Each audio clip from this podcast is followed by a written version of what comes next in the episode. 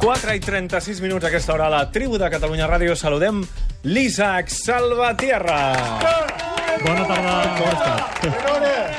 L'Isaac és el nostre expert en xarxes i també és el cap del Lara.cat i cada setmana ens porta històries que surten d'internet i avui la foto més viral de la història. De la història, eh? Bé, hem, això no ho sabem, si és de la història. Ah, Ah, sí, és de la història, però no, no és com un vídeo de YouTube que, que tens la xifra allà i ho pots comparar, com, mm. com el Gangnam Style, aquell que en vam parlar fa uns dies. Eh, és més difícil perquè es viralitza per molts llocs. Uh, Instagram, ara mateix, té 300 365.100 uh, likes que són moltíssims. són bastants. Que són bastants. Però això Ah. només a Instagram, perquè aquesta foto s'ha distribuït a través d'altres xarxes, també. Sí, la va penjar GoPro. Eh, expliquem primer què és la foto. La, la protagonista eh, és una professora de New Jersey de primària que es diu Amanda Brewer, que és molt fan dels taurons, està en una entitat eh, que promociona això, la conservació dels, dels taurons, i llavors fan diversos Va, viatges Ramon, sisplau, fas venir pomi. a Sud-àfrica i estaven amb una mm, gàbia d'aquestes d'immersió, que, Sí. que, que tu fas submarinisme i et poses també. dins la gàbia per si ve el tauró, Sí. i de sobte això a Mossel Bay, a Sud-àfrica, i de sobte va aparèixer, com a la pel·lícula de Steven Spielberg, el tauró blanc És de pel·lícula totalment. de pel·lícula total i si mireu la foto, la podeu trobar a Instagram si aneu a GoPro està eh, està penjada a Instagram la pengem també fa dues Facebook setmanes i- i ara la Marta la penja a Facebook i a Twitter és bastant espectacular, eh? perquè es veuen les dents així del, del, del tauró que s'acosta cap a ella perquè ella està amb la GoPro, que és aquesta càmera petita versàtil i, i aconsegueix eh, això, cap, captar l'instant decisiu que deia el Cartier-Bresson Sí. doncs allò, l'instant decisiu, el moment en què ell que el- eh, va el tauró a enganxar una mica de peix que hi ha, o, o no sé què que li posen, perquè, Sí. perquè faci com d'esquer, com d'am. Al I és exactament el moment en què el tauró treu el cap de l'aigua amb una força immensa, perquè es veu per l'aigua, també, i es veu amb la boca ben oberta, que I les genives. ben, ben, ben bé totes les Les dents. genives. I les genives, sí. doncs la- l'Amanda va A penjar la foto, GoPro els hi va agradar i, i la, va, la va penjar a Instagram, i després la revista Time la va seleccionar com una de les imatges, això fa dues setmanes, i és, és la història que està viral de sempre, que en dues setmanes ha passat a ser ja cèlebre i tots els milions del món ja en parlen. Vols dir una escorcada, aquesta dent d'aquí? O so, és càries, això? Ho saps, tu, Salvatierra? I hauríem d'investigar-ho. hauríem d'investigar-ho. Jo no sé si és càries, però si és càries segur que se li veu, perquè de debò que es veuen les dents amb tot detall. L'han operat els carnots. Ai, les glàndules, perquè no, no els hi veig. Més coses. Parlem ara de la banalització del nazisme. Sí, aquesta setmana passada 65 entitats van presentar una querella conjunta a la Fiscalia per perseguir la banalització del nazisme bàsicament a través de les xarxes. Ja sabeu que la gent, els comptes anònims de Twitter, doncs hi ha gent mm. que li agrada molt aquesta pràctica d'anar penjant coses i eh, quan hi ha un conflicte, doncs eh, dir algú que és un nazi o comparar-lo amb això. Sí, perquè més així de seguida s'acaba la discussió, no? Sí. Tu, nazi, ja està. Ja està, ja s'acaba. Sí. Això és precisament la llei Godwin.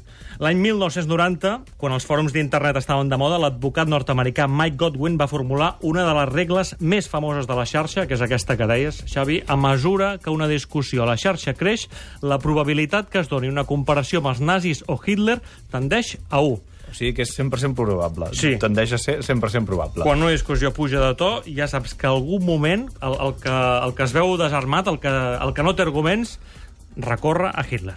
Però això passa a la xarxa i a la vida, perquè ens hem afartat de sentir polítics, per exemple, comparant alegrement altres polítics amb Hitler, no? L'any 2013, a l'abril del 2013, una de les declaracions més famoses per, pel càrrec, la secretària general del PP, la Maria Dolores de Cospedal, parlava dels escratxes contra els polítics del PP, la campanya de pressió de la plataforma d'afectats per la hipoteca, i en parlava així. ¿Pero qué es esto de tratar de violentar el voto? Eso es nazismo puro. Ya sé que esto me lo van a criticar. Pero eso es nazismo puro.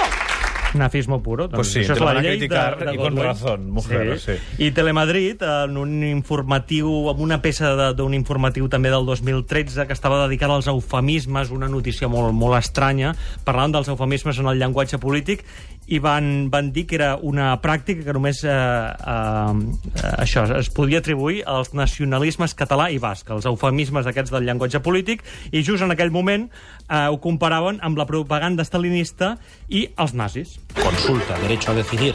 Derecho a decidir. CiU y Esquerra tratan de colar su consulta soberanista. Lo que quieren decir es ruptura. Las cosas significan lo, lo que quieren los que mandan que signifiquen. Las personas que, que quieren Això és ocultar aquest algo, el reportatge que magnífica- just anava tapant les imatges amb imatges del, del Hitler i comparant-ho doncs, amb això, amb la llei Godwin. Hi ha una altra llei, una fal·làcia moderna que es diu Reductio ad Hitler, que la va encunyar el professor d'ètica nord-americà Leo Strauss l'any 1950 i és una mica similar.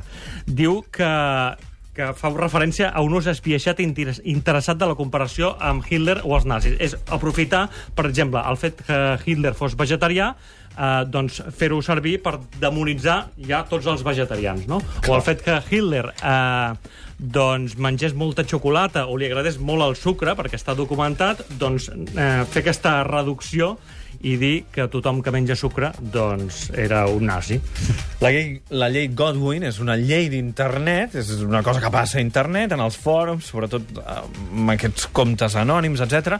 Però hi ha altres lleis que regulen la xarxa d'una manera més o menys eh, implícita. Sí, són lleis espontànies que han anat sortint. Bàsicament han nascut dels fòrums d'internet. Ara potser segueix havent-hi fòrums, però ha passat una mica de moda, però, però cap al principi d'internet hi havia molta més falera.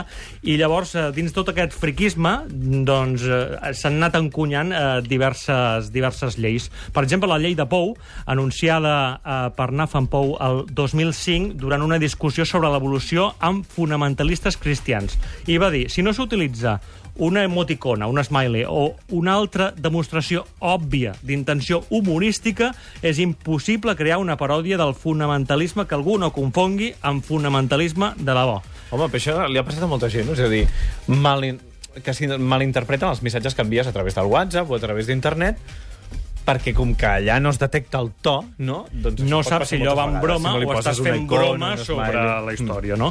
La llei de la controvèrsia de Benford. Són tot lleis molt estranyes, amb Sí. noms de gent americana. Diu, la passió associada a una discussió és inversament proporcional a la quantitat d'informació real disponible. Això passa moltes vegades també. Sí, les lleis Wilcock-McCanley són un conjunt de lleis sobre les discussions a internet que surten del seu tema principal. Una d'elles diu si una discussió s'ha escalfat prou, tots els canvis de tema o de direcció de la discussió aniran a pitjor. Carai, també? Sí, sí, tot... tot, Tot tot. tendeix a anar malament. La llei de Skid, atribuïda No ha cap a... de català que hagi fet cap llei? Brian Lord, sobre un usuari de Usenet que es deia Skid, diu tota publicació que corregeixi un error comès en una publicació d'un altre usuari tindrà almenys un altre error. O sigui, mm, que tu quan intentes corregir alguna cosa, generalment comets un altre error sobre l'error, diguéssim, no? Val.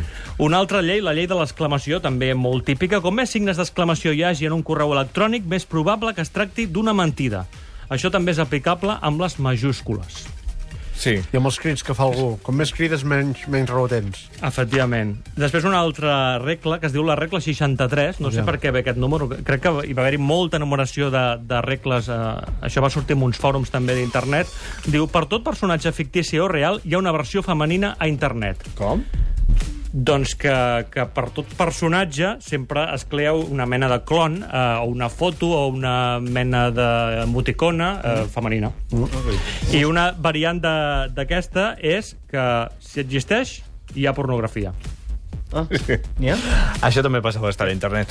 Isaac Salvatierra, moltíssimes gràcies i fins la setmana que ve. Que vagi bé. Bona tarda. Adéu.